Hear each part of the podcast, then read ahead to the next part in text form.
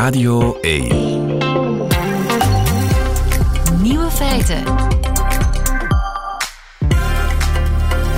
Dag en welkom bij de podcast van Nieuwe Feiten van 24 mei 2022. In het nieuws vandaag dat in Engeland beroering is ontstaan over een muzikaal eerbetoon aan de Queen, die volgende maand haar platina-jubileum viert.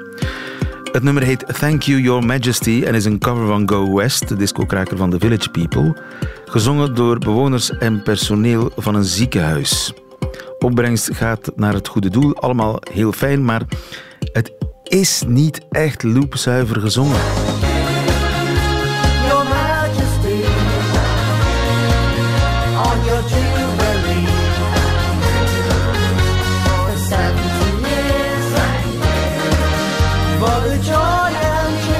Veel mensen vinden het niet goed genoeg voor de Queen. Als het hen een troost kan zijn, zo zongen de Rode Duivels Go West in 1994. Naar de USA. Maak mijn vrouw op mee. On va s'amuser. Dat is geen slecht idee. I rest my case. De andere nieuwe feiten vandaag. Zweden heel snel lid van de NAVO. Het zit er niet in, zegt Jan Baljouw. België is koploper in het bespuiten van fruit, zegt een nieuw Europees rapport. Een fake tweet achtervolgt Mark van Rans nu al twee jaar. En er is een nieuw wondermateriaal gevonden. Een zusje voor grafeen. Het heet grafine. De nieuwe feiten van Nico Dijkshoorn die hoort u in zijn middagjournaal. Veel plezier. Vorige week dachten Finland en Zweden nog dat ze supersnel lid zouden kunnen worden van de NAVO. Maar dat wordt intussen minder en minder waarschijnlijk. Jan Baljouw, goedemiddag. Goedemiddag. Je bent in Oekraïne, geloof ik. Maar je bent vooral onze Inderdaad. expert diplomatie. Eh, om lid te kunnen worden van de NAVO moeten alle lidstaten dat goed vinden, hè, denk ik. Maar wie is er tegen Zweden? Eh, ja, dat is Turkije. Hè. Turkije heeft aangekondigd, eh, president Erdogan heeft aangekondigd dat eh, ja, hij niet akkoord kan gaan met die aanvragen van Zweden en Finland. Eh, maar we weten dat het niet zozeer gaat om Finland, maar vooral om Zweden. Omdat eh, volgens hem eh, de twee landen, maar dus eigenlijk in de praktijk vooral Zweden, onderdak bieden aan eh, terroristen, eh, Koerdische terroristen en leden van de Gulen-beweging. Gulen-beweging die eh, volgens eh, Ankara achter de mislukte staatsgreep van 2016 zat. Ja, en dat heeft hij vorige week al gezegd. En toen dachten de meeste mensen, ja, dat zal wel snel geregeld worden. Turkije en Zweden zullen snel een akkoord bereiken daarover. Maar hoe zit het daarmee? Het eh, zal in ieder geval niet snel gaan. Hè. Dus men dacht binnen de NAVO dat eh, Zweden en Finland inderdaad een soort fast track zouden krijgen richting NAVO-lidmaatschap. Maar dus vorige week woensdag zijn die aanvragen ingediend. En toen is er al een eerste blokkering geweest op de NAVO-raad. Turkije wou eh, die toetredingsverzoeken niet bespreken. En nu lijkt het erop dat ja, de, gesprekken achter de schermen tussen Ankara en, en vooral Stockholm, ja, dat die toch eh, moeilijker zijn dan iedereen voor mogelijk had geacht. En het is ook voor Zweden een lastig eh, probleem omdat eh, ja, Erdogan heeft eigenlijk eh, de Zweedse regering op, op, zijn zwakste punt ge- ge- gepakt, eigenlijk, kun je zeggen. Omdat die regering, dat is een minderheidsregering, die hangt af in het parlement van de stem van één Koerdische, eh Koerdisch parlementslid, een links-Koerdisch parlementslid, Amina Kakabaveh. En ehm, en zonder die stem kan de Zweedse premier Andersson niet aanblijven. En precies die, dat parlementslid heeft eh, van steun aan eh, de, de Koerden een punt gemaakt om haar stem te geven aan, dat, aan de Zweedse regering. Dus die eh, Andersson, die Zweedse premier, die hangt af van één Koerd eigenlijk in haar parlement. Inderdaad, en, dat, eh, en daar speelt Erdogan nu ten volle op in. Ehm, het is natuurlijk ook zo dat steun voor de Koerden in Zweden vooral eh, gevoelig ligt, omdat er ook een eh, grote Koerdische gemeenschap is, ongeveer 100.000 mensen, die voor een groot deel allemaal gevlucht zijn vanwege eh, ja, de behandeling van de Koerden in Turkije. Dus de Zweedse regering kan niet zomaar instemmen met de vragen van Erdogan. Dus Erdogan wil onder meer een uitlevering eh, van 33 mensen die uh, volgens Turkije terroristen zijn en die Zweden en ook Finland tot nu toe hebben uh, geweigerd uit te leveren. Ja, en dus los van die ja, cruciale positie van dat ene Koerdische parlementslid, is er sowieso in Zweden weinig enthousiasme om tegemoet te komen aan de eisen van Erdogan en om die mensen die voor hem gevlucht zijn naar Zweden, om die uit te leveren. Ja, er is zeker weinig enthousiasme in, in die regering, uh, gezien ook natuurlijk de steun die die regering nodig heeft van het Koerdisch parlementslid. En het probleem situeert zich niet zozeer rond de PKK, dus Koerdische afscheidingsbeweging. Die heeft Zweden als een van de eerste na Turkije erkend als een terroristische beweging. Wordt trouwens ook in de Europese Unie uh, gezien als een terreurbeweging. Maar voor Turkije draait uh, de hele discussie vooral rond de steun die Zweden ook geeft aan de Syrische Koerdische militie, de YPG.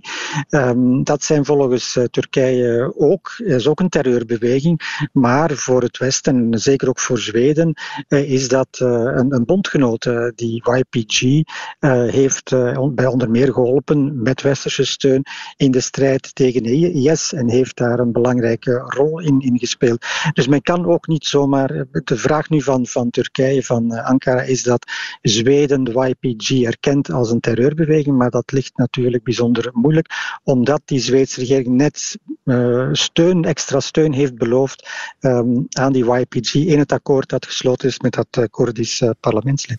En voor alle duidelijkheid, die 33 mensen die op dat verlanglijstje staan van Erdogan, dat zijn geen terroristen voor, volgens onze normen. Ja, we weten Alleen Erdogan vindt dat terroristen.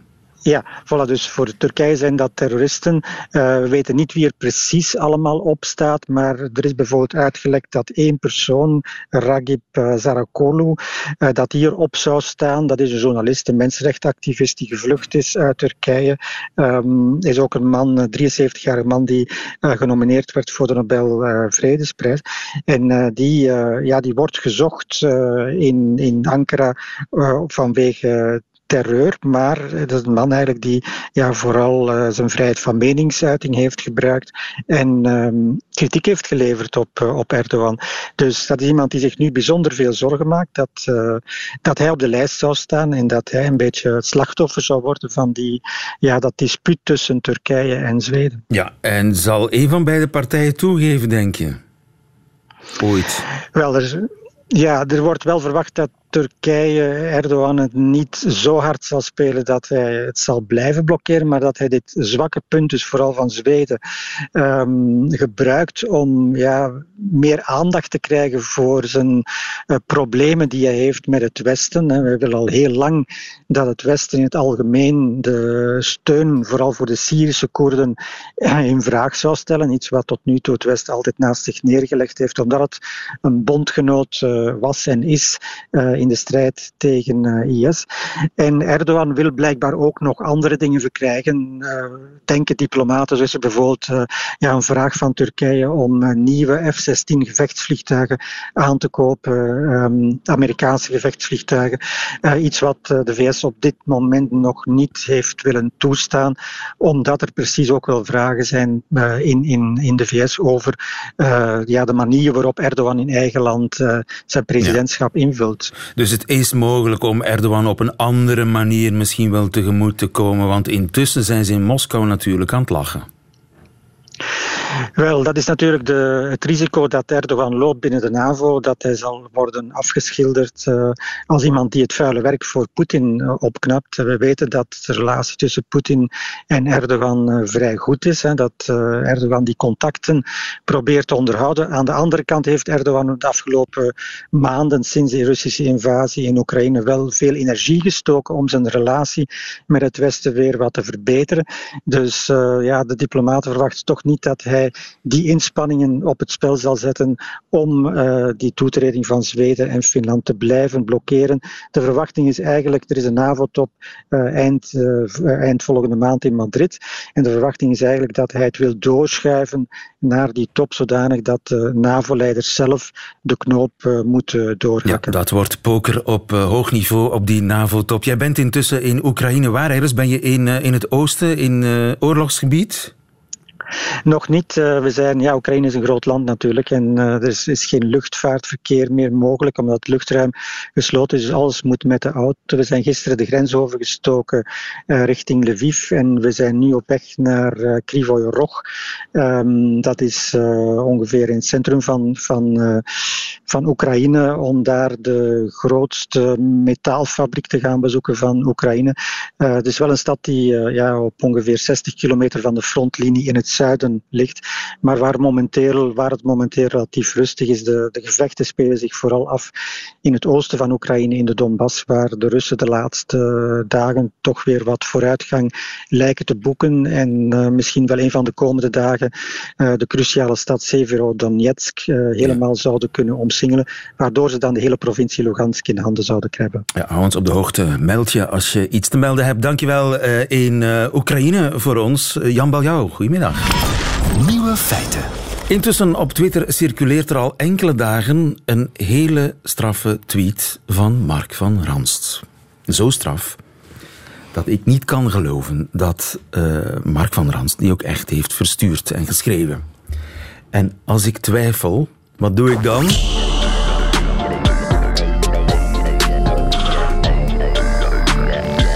De nieuwe feitenchecker. Haal ik de nieuwe feitenchecker erbij. Dag Rien Emery, goedemiddag. Goedemiddag. Je weet welke tweet ik bedoel? Jazeker. Kun jij hem even voorlezen, Ja. dat we weten waar we het over hebben? Ik zal hem even voorlezen. Het, de tweet luidt als volgt.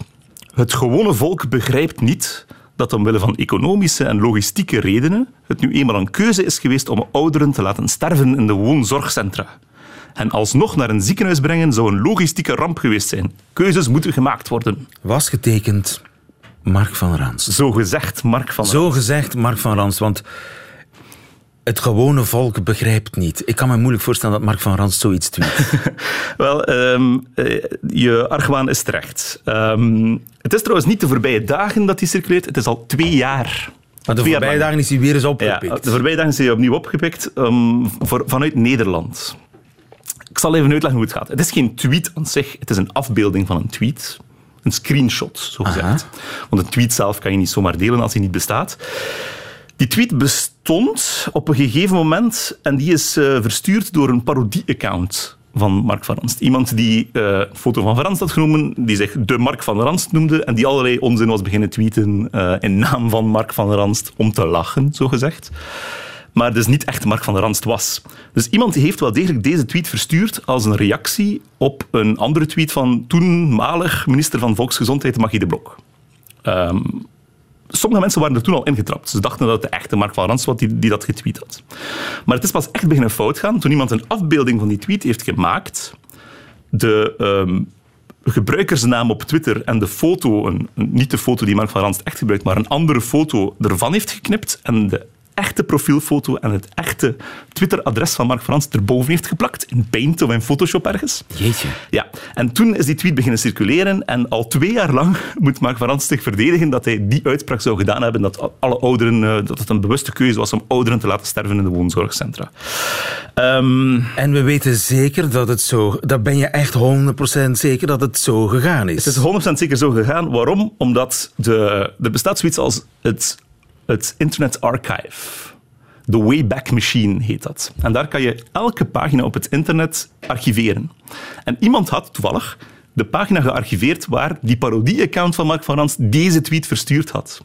Dus dat, eh, we hebben ook een artikel geschreven op de site van 14 Nieuws. Je kan dat daar gaan checken. Ehm, die link bestaat nog altijd en is dus gearchiveerd. Want wat is er gebeurd? Ehm, Twitter heeft het parodie-account verwijderd. Ze hebben die mensen offline gehaald. Het was te veel verwarring dat het over de echte Mark van Ranst ging. Dus die, die account is weg, het profiel is weg, al die tweets zijn weg. Maar toevallig dus nog bewaard gebleven op die archiveringssite op het internet. En we kan dus gaan maar. kijken. Ja, gelukkig voor Mark van Ranst kan je die gaan bekijken. Want het kan natuurlijk altijd dat hij zogezegd een tweet verstuurd heeft en hem dan weer gewist heeft zelf. En zo circuleren er al vaker eh, screenshots. Maar we weten dus 100% zeker dat Mark van Ranst het niet verstuurd heeft. Maar het, mensen worden woest als ze die tweet zien. Ja. En eh, ja, noemen hem een nazi-dokter en eh, bedreigen hem. Dus dat gaat al twee jaar aan een stuk door. En- Vreselijk. Ja, ja. Vreselijk. je vindt het ook niet, niet, niet meer om te lachen. Ehm, maar ehm, de reden dat hij is inderdaad vorige week opnieuw opgedoken is, is omdat ehm, professor Van Ranst in Nederland in een Tweede Kamercommissie een praatje is gaan houden over het coronabeleid in België en Nederland, dat gaan vergelijken is. Een paar uitspraken gedaan heeft, onder andere over fake news en over politici in Nederland die te veel mogen verkondigen dat het virus fake is, et cetera. Ehm, mensen waren daar ook boos over dan en toen is die tweet opeens op weer opgerakeld en weer viraal gegaan via die. Dat is al, al, al twee jaar een stuk. Al twee jaar zeg. En weten we wie er achter die vervalsing zit? Ehm, we, ik, we weten toevallig wie de boze burger was die het parodie-account gemaakt had, maar we weten niet wie dan dat eh, naampje ervan geknipt had en het echte naampje van Van Ranst erop geplakt heeft. En ook eh, Van Ranst zelf willen nog altijd wel graag weten wie hem dat gelapt heeft toen. Kun je, daar eh, ja, ja, je kunt een klacht indienen en politie kan daar onderzoek naar doen, toch? Ja, maar dat, dat is zeer moeilijk. Ehm, we hebben het wel een beetje kunnen traceren waar het dan voor het eerst eh, opdook op Twitter. Maar dan zeiden die mensen van, ah, ik heb het ook alleen maar gezien op Facebook. Dus ja, de, oorsprong, de echte oorsprong daarvan vinden. Mensen kunnen ook weer een tweet of een berichtje weer verwijderen. is zeer moeilijk. Dus ik denk niet dat we het ooit gaan weten, maar het is wel van belang. Want dat blijft gewoon, elk, elke dag bijna zie ik, zie ik datzelfde prentje Ja, je, opduiken. je kunt het kennelijk niet Nee, definitief niet- nee, nee, uit eh, de circulatie halen. Nee, het is wel belangrijk dus dat je weet dat als je ooit een tweet ziet, zo gezegd van Mark van Ranst, waarin hij zegt van ja, we hebben eh, de bejaarden laten sterven in de woonzorgcentrum, dat was bewust, dat het dus eh, geen uitspraak van Mark van Ranst is, maar een vervalste tweet. Ja, en bij uitbreiding, je moet voorzichtig zijn met alle, ja, zogezegd hele Alles, alles, verbijsterende dingen. alles uit de context vooral, hè, want Mark van Ranst durft zeer vaak sarcastische grapjes maken en ironische opmerkingen maken. Hij heeft een zeer eigen tweetstijl die nogal assertief is. Ook daar, als je dan sommige echte tweets van hem uit de context gelicht ziet, dan komt het eh, heel erg over. Maar dan als je de context bekijkt, zie je van, oh, dit was eigenlijk een grap. Dus zelfs de echte tweets kunnen ook leiden tot, eh, tot misverstanden, zeg het maar. Eh, in, dank je, waarvoor dank, Rien en Marie, tot volgende week. Radio 1. Nieuwe feiten. We hebben een nieuw wondermateriaal. Het heet grafine en is de tweelingzus van grafeen. En grafeen, dat is, als ik mij goed herinner, dat hele superdunne, maar supersterke materiaal dat in zonnepanelen zit bijvoorbeeld, of in touchscreens en in satellieten. Dirk van Dijk, goedemiddag. Goedemiddag, lieve. Professor natuurkunde aan de Universiteit van Antwerpen. Ja, door Ja. het dolle heen neem ik aan, hè, voor weer een nieuw eh, supermateriaal. Ja, absoluut. En, en vooral omdat het, het was al voorspeld dat het eh, zou kunnen bestaan in de jaren 60, maar men was er nog nooit in geslaagd om het te maken. En in Colorado zijn ze er wel in geslaagd. Inderdaad, in Boulder in Colorado. En zelfs moet ik bijzeggen, zelfs een doctoraatsthesis. Dus een jonge onderzoek, uiteraard. De, het onderwerp was aangebracht in de groep. En ze hebben dat probleem op een, een heel oud probleem dus eh, aangepakt op een totaal nieuwe manier. Met eh, wat we noemen reversibele chemie. Dus tussenstapjes die goed gecontroleerd worden. En ja, dat is erin geslaagd. En, eh, en uiteindelijk heeft men die grafien kunnen maken. Een doctoraatsthesis, zeg. Stel je voor, dat alles is mogelijk hè, in een wetenschappelijke carrière. Ja, en zeker, dat zijn jonge mensen. Uiteraard, je moet het idee moet aangebracht worden. niet? Dat valt niet zomaar uit de lucht. Ja. Maar dan heb je echt mensen nodig die koppig erop kunnen werken en heel creatief kunnen zijn. Ja, het is en dus daar eigenlijk- dan soms... Het is dus eigenlijk de opvolger voor grafeen. Juist, en grafeen in, en DGM heeft het ontdekt in 2004, Nobelprijs 2010. Wat veel mensen niet weten is, voor hij de Nobelprijs kreeg, had hij het gemaakt. Ook daar had men bewezen dat het niet kon gemaakt worden, nog straffer. Dat is een uitdaging, een wetenschapper moet uitgedaagd worden. En hij slaagde er wel in om het te maken.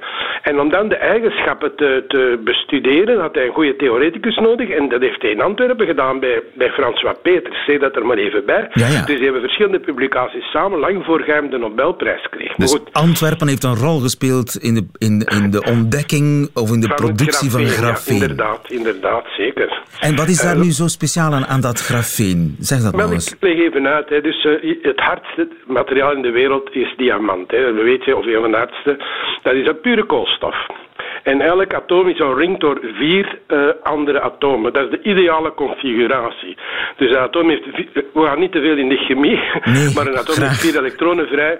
En dat is een heel sterke binding, daardoor is diamant ook zo compact en zo hard. Goed, eh, maar men, in grafeen wordt elke koolstof omringd door drie, drie naburen. Niet vier, maar door drie.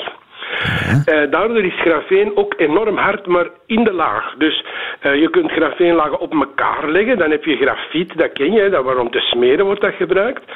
Die lagen zijn zelf enorm sterk, dus dat zijn grafeenlagen, maar die binding tussen die lagen is dan zwak en daardoor schuiven die af. En dan kan je dus eigenlijk daarmee smeren. Dat dus grafiet is, is heel soepel in één richting, maar keihard in, in het vlak. Dus, eh, maar, maar grafeen is zo één enkele laag en die heeft, is enorm sterk. Dat kun je zelfs gebruiken om vuilzakken aan te maken zonder dat er vuil uitkomt. Maar je kunt dat ook gebruiken om bijvoorbeeld eh, water te ontzilten. Hè? Dus eh, je weet het probleem van het watertekort in de wereld, drinkwater, is een groot probleem. Wel, in Israël wordt al meer dan de een derde van al hun drinkwater gehaald uit zeewater. Dat zijn moderne technieken en daar speelt grafeen een rol in. Omdat het een, een, het is een soort membraan met gaatjes. Als je er nu voor zorgt dat de gaatjes net groot genoeg zijn om een watermoleculen door te laten, maar niet een zoutmoleculen, ja, dan heb je natuurlijk een manier om water te zuiveren. Hè? Dus op een goedkope manier. Uiteraard moet je dan met grafeen kunnen maken in grote hoeveelheden, grote oppervlakken. Juist. En in het begin was dat moeilijk, hè. men slaagde er wel in, maar nu, is, is, eh, eh, ook om schermen te maken en dergelijke, heb ik een groot oppervlak nodig. En stilaan worden dan die methodes altijd maar beter en beter, goedkoper, goedkoper. En grafeen heeft eh, verschrikkelijk goede eigenschappen, zoals ik net zeg, de sterkte, maar ook elektrische geleidbaarheid. Dus je kunt dat ook, eh, dat leidt in, eh, de, de geleidbaarheid is veel hoger dan bijvoorbeeld van koperdraden. Het enige nadeel in grafeen, grafeen is het, het is isotroop. Alle richtingen zijn gelijkwaardig. Dus, en terwijl met, met het grafien, dat je nu dus hebt, is het zo dat elk, elk atoom is in één richting omringd, zoals in, in diamant, en in de twee andere zoals in grafeen. Dus eigenlijk een soort gemengde situatie. Oké. Eh, goed, Het het is een soort, een, het een is soort diamant die helemaal platgeslagen is. Want het is, Eigenlijk zou ik het zeggen, die in één richting plaats is, kun je het zeggen, ja. Ja. Dus, in één- dus, maar door het feit dat er twee soorten bindingen zijn, kan je daarmee spelen. Dus bij grafeen. Het is al- allemaal dezelfde binding, elk atoom omringd door drie. In diamant ook overal dezelfde binding, elk atoom omringd door vier. Maar hier is het een soort hybride situatie. Oké. Je hebt de mengsel. En als je dan eh, met die verhoudingen speelt, kan je bijvoorbeeld zorgen dat eh, dat grafien dan, dat materiaal, ook je veel sterker geleidt in één bepaalde richting. Niet overal even sterk, maar in één richting. Bijvoorbeeld om kabels te maken, eh, supergeleidende kabels bijvoorbeeld. In de toekomst zal dat meer en meer nodig zijn. Als je energie uit de Noordzee naar hier wilt halen, dan heb je gigantische grote stromen nodig. Dus dat zijn materialen die een rol kunnen spelen. En, en ook, het is enorm sterk in één richting. Dus je kunt nu beginnen te, te ontwerpen. Je hebt een vrijheidsgraad meer. Eh, grafeen op zich was één laagpunt gedaan. Je moet ze alleen proberen groter te maken. Maar nu kun je nog spelen met die verhouding tussen die twee soorten bindingen. En dan kan je aan dat, aan, aan dat grafien nu dus meer eigenschappen toekennen in functie van, laten we zeggen, wat je daarvoor nodig hebt. Natuurlijk, nu, dit artikel was vooral het maken. Het is een uitdaging om het te maken. Het is nooit gelukt. Het is een enorm succes. En wat er nu gaat gebeuren is, ja, men gaat die productie, die manieren verbeteren en er gaan veel labo's in de wereld opspringen om daar dan toepassingen mee te maken. Bijvoorbeeld, eh, het zal kunnen voor veel snellere computerschakelingen gaan, bijvoorbeeld, voor snel, eh, grotere geleidbaarheid, voor grotere stromen en dergelijke. Dus dat wordt nu uitgezocht. Hè. En men denkt eh, wel dat, dat die eigenschappen die voorspeld zijn nog zullen kloppen, maar dat moet nu blijken uit, uit experimenten. Hè. ja, maar het enthousiasme is in ieder geval terecht. Het enthousiasme voor die ene doctoraatstudent in Colorado die erin geslaagd is om grafien te maken. Een soort ja, verbeterde versie van het al zo wonderbaarlijke Nee, grafien. dat, zeker als iedereen zegt het lukt niet, het lukt niet, en dan plots lukt het wel. En ja, lukt het toch? Zo gaat dat in de toch. wetenschap. Dirk van Ja. Dijk, dankjewel. Goedemiddag. Goeiedag, lieve. Goeiedag. Nieuwe feiten. Radio 1. Het aantal pesticiden op Europees fruit is enorm toegenomen, blijkt uit onderzoek. Het gebruik van de meest giftige stoffen is de voorbije negen jaar met de helft gestegen. Staat in een rapport dat vandaag verschijnt. En koploper is België. 34% van ons fruit en onze groenten bevatten pesticiden van de schadelijkste categorie. Zo staat het er. Pieter Spanhogen, goedemiddag. Goedemiddag iedereen. Prof- professor eh, chemische gewasbescherming van de Universiteit van Gent. Bijvoorbeeld 87% van onze peren zou ermee gecontamineerd zijn. Dat is schrikbarend, hè? Je hebt twee zaken. Hè. Enerzijds het verhaal van zijn het alle groenten en fruit. Dat zou ik toch eventjes willen weerleggen. Dus het gaat niet over alle groenten en fruit. En anderzijds, het is niet omwille van het feit dat we daar een bepaalde middel in aantreffen, dat dat eigenlijk ook problematisch is. Dus we willen ook kijken hoeveel vinden we daarin terug. Wat is de dosis, wat is de concentratie? En dan natuurlijk, hoeveel eten we daarvan op? En eigenlijk die oefening is natuurlijk niet, of is op dit moment niet gemaakt door eh, de mensen die het bericht de wereld insturen. Ja, dat is een, eh, hoe heet het? De PAN, de, iets van de Europese. Ken- Kent u dat agentschap? Een, een Pesticide Action Network. Een coalitie van 600 is- NGO's. Ja, dat klopt. Dat is eigenlijk een lobbygroep die eigenlijk als doel heeft eh, gewasbescherming of chemische gewasbeschermingsmiddelen in Europa Ja. te bannen. Dus uiteindelijk moet je het ook in die context eh, het verhaal bekijken. Ze hebben wel eh, heel veel stukken fruit en groente gecheckt. Ze hebben wel eh, hun werk grondig gedaan, toch? Ehm, ik denk niet dat zij dat gecheckt hebben. Nee. Dat zijn laten eigenlijk checken. de controleresultaten van de lidstaten in Europa. Die moeten het rapporteren aan het Europees Voedselagentschap. En dan die rapporten zijn publiek ter, Ja. eh, ter inzage. Dus, Dus- zij hebben een analyse gedaan van wat er op ons bord komt. Hun cijfers kloppen, alleen moet je voorzichtig zijn met de interpretatie en de duiding ervan. Begrijp ik. Ja, dat is zo. Hè. Dus eh, een, een, een boodschap de wereld insturen dat, dat, dat onze voeding problematisch is, dat denk ik dat dat niet zo, zo, zo, zo eerlijk is. Het is eigenlijk ook een verhaal van landbouw. Hè. Dus ik denk niet dat die boeren eh, de afgelopen tien jaar voor hun plezier die middelen hebben toegepast op, op groenten en fruit. hè. Maar Dus, hebben eh, ze meer ook gespoten zij- de voorbije tien jaar? zij- Nee, die middelen zijn erkend voor gebruik. Het enige probleem is dat er geen alternatief is, dat, dat, dat er dus eigenlijk geen tweede oplossing eh, en, en aangeboden wordt die zij eigenlijk ook zouden volgen. Hè. Ze zouden niets liever willen dan, dan, dan in, in de goede richting gaan die wenselijk is voor, Ja, voor ja. iedereen. Hè. Dat begrijp ik, maar eh, in, het, in het rapport staat ook dat schimmels en insecten alsmaar resistenter worden tegen de middelen en dus dat er alsmaar meer wordt gespoten. Maar ja, dat is natuurlijk een vicieuze cirkel. Ehm, die problematiek is eigenlijk niet op te lossen door meer te spuiten. Hè. Je gaat niet eh, dus met, met, met 10 gram eh, opeens 50 gram en dan 2 kilo gaan toepassen. Zo werkt het niet. Hè. We kijken naar, we noemen dat alterne- alterneren en, en combineren, een moeilijk woord, maar dat wil zeggen afwisselen tussen maken technieken. Nee, nee, nee, technieken. Hè. Je, hebt, je hebt verschillende types van technieken. Hè. Je kan mechanisch onkruid bestrijden, je kan chemisch onkruid bestrijden, je kan het uiteindelijk ook op, op die manier gaan bekijken. Maar- We noemen dat... eh, Wordt er volgens u meer gespoten dan vroeger? Nee, nee, nee. Er wordt dat- niet meer er wordt gespoten dan vroeger. Nee, nee. Juist er wordt minder. niet meer gespoten. Nee, nee, er wordt zeker minder gespoten dan vroeger. Dus eh, de cijfers nemen af in gebruik. Nee, nee, absoluut niet. Dus eh, wat dat betreft eh, is, is de boodschap misschien anders aan het overkomen bij de mensen dan dat de cijfers ons vertellen. Hè. Goed, meer, eh, volgens dat agentschap worden er meer gespoten, volgens u wordt er minder gespoten. Hoe dan ook, er zit, er zitten, die stoffen zitten op die peren en op die appels en op dat fruit. Die zitten daarop. Eh, eh, Heeft het zin om die grondig te wassen? Helpt dat daartegen? Daar eh, zal ik inderdaad moeten teleurstellen. Het wassen zelf op zich heeft, geen, of heeft minder nut. Eh, het kan zijn voor stof en, en, en, en, en, wat is dat, micro-organismen die je kan afwassen enzovoort. Maar echt die pesticiden eraf halen, doe je daar niet mee. Hè. Die zitten meer in het vruchtvlees langs binnen en die zijn eigenlijk op dat vlak eh, op die manier ook een werking aan het hebben. Hè. Die beschermen de beer van binnenuit tegen de aanvallen die, ja, van schimmels en insecten die, die aan het oppervlak van die peer eh, zich voordoen. Hè. Dus ik eet dat allemaal op.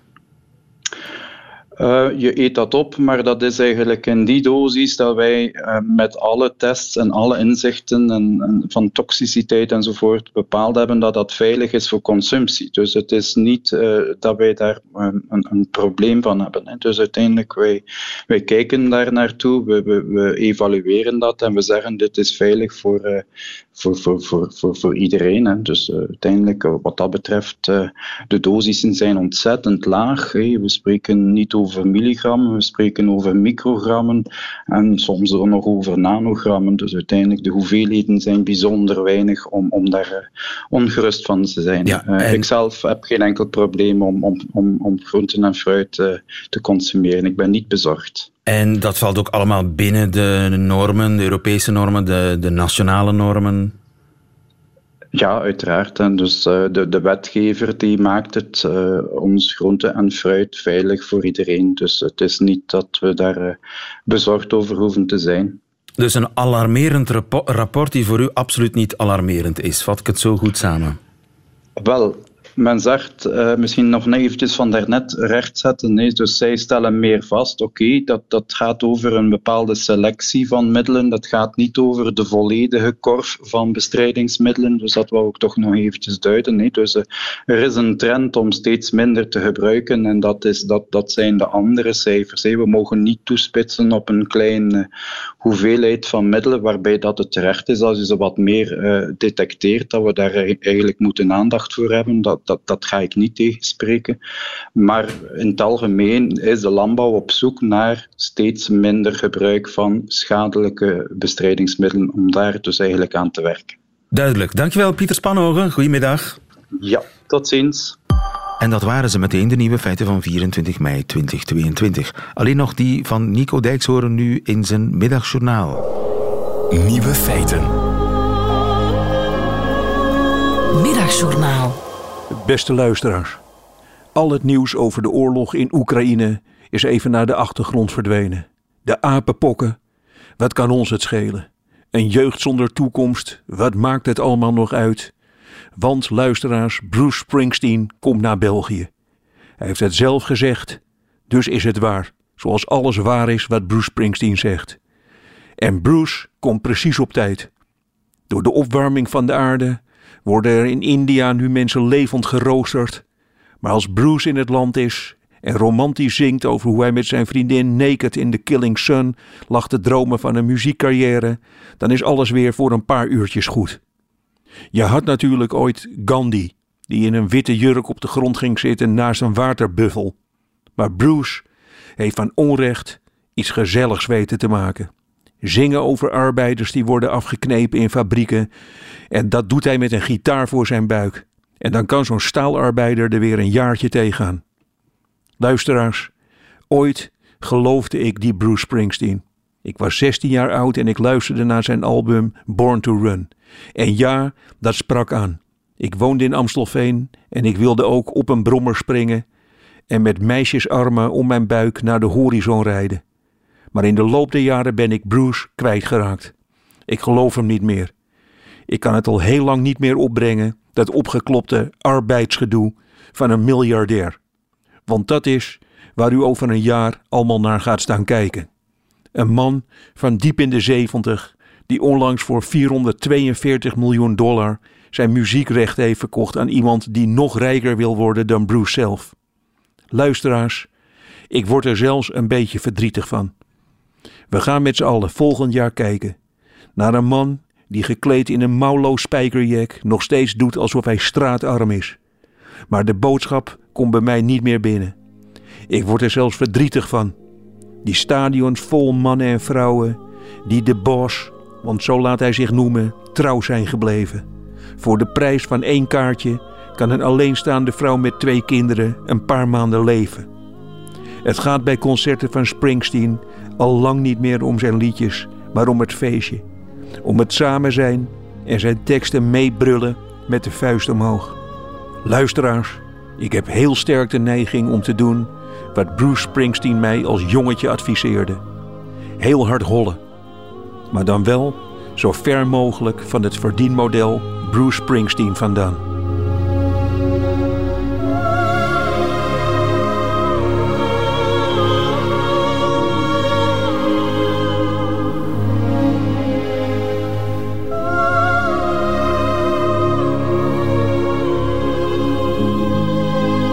Middagjournaal met Nico Dijkshoorn. Einde van deze podcast hoort u liever de volledige nieuwe feiten met de muziek erbij. Dat kan natuurlijk live elke werkdag tussen 12 en 1 op Radio 1 of on demand via onze app of via de Radio 1 website. Tot een volgende keer.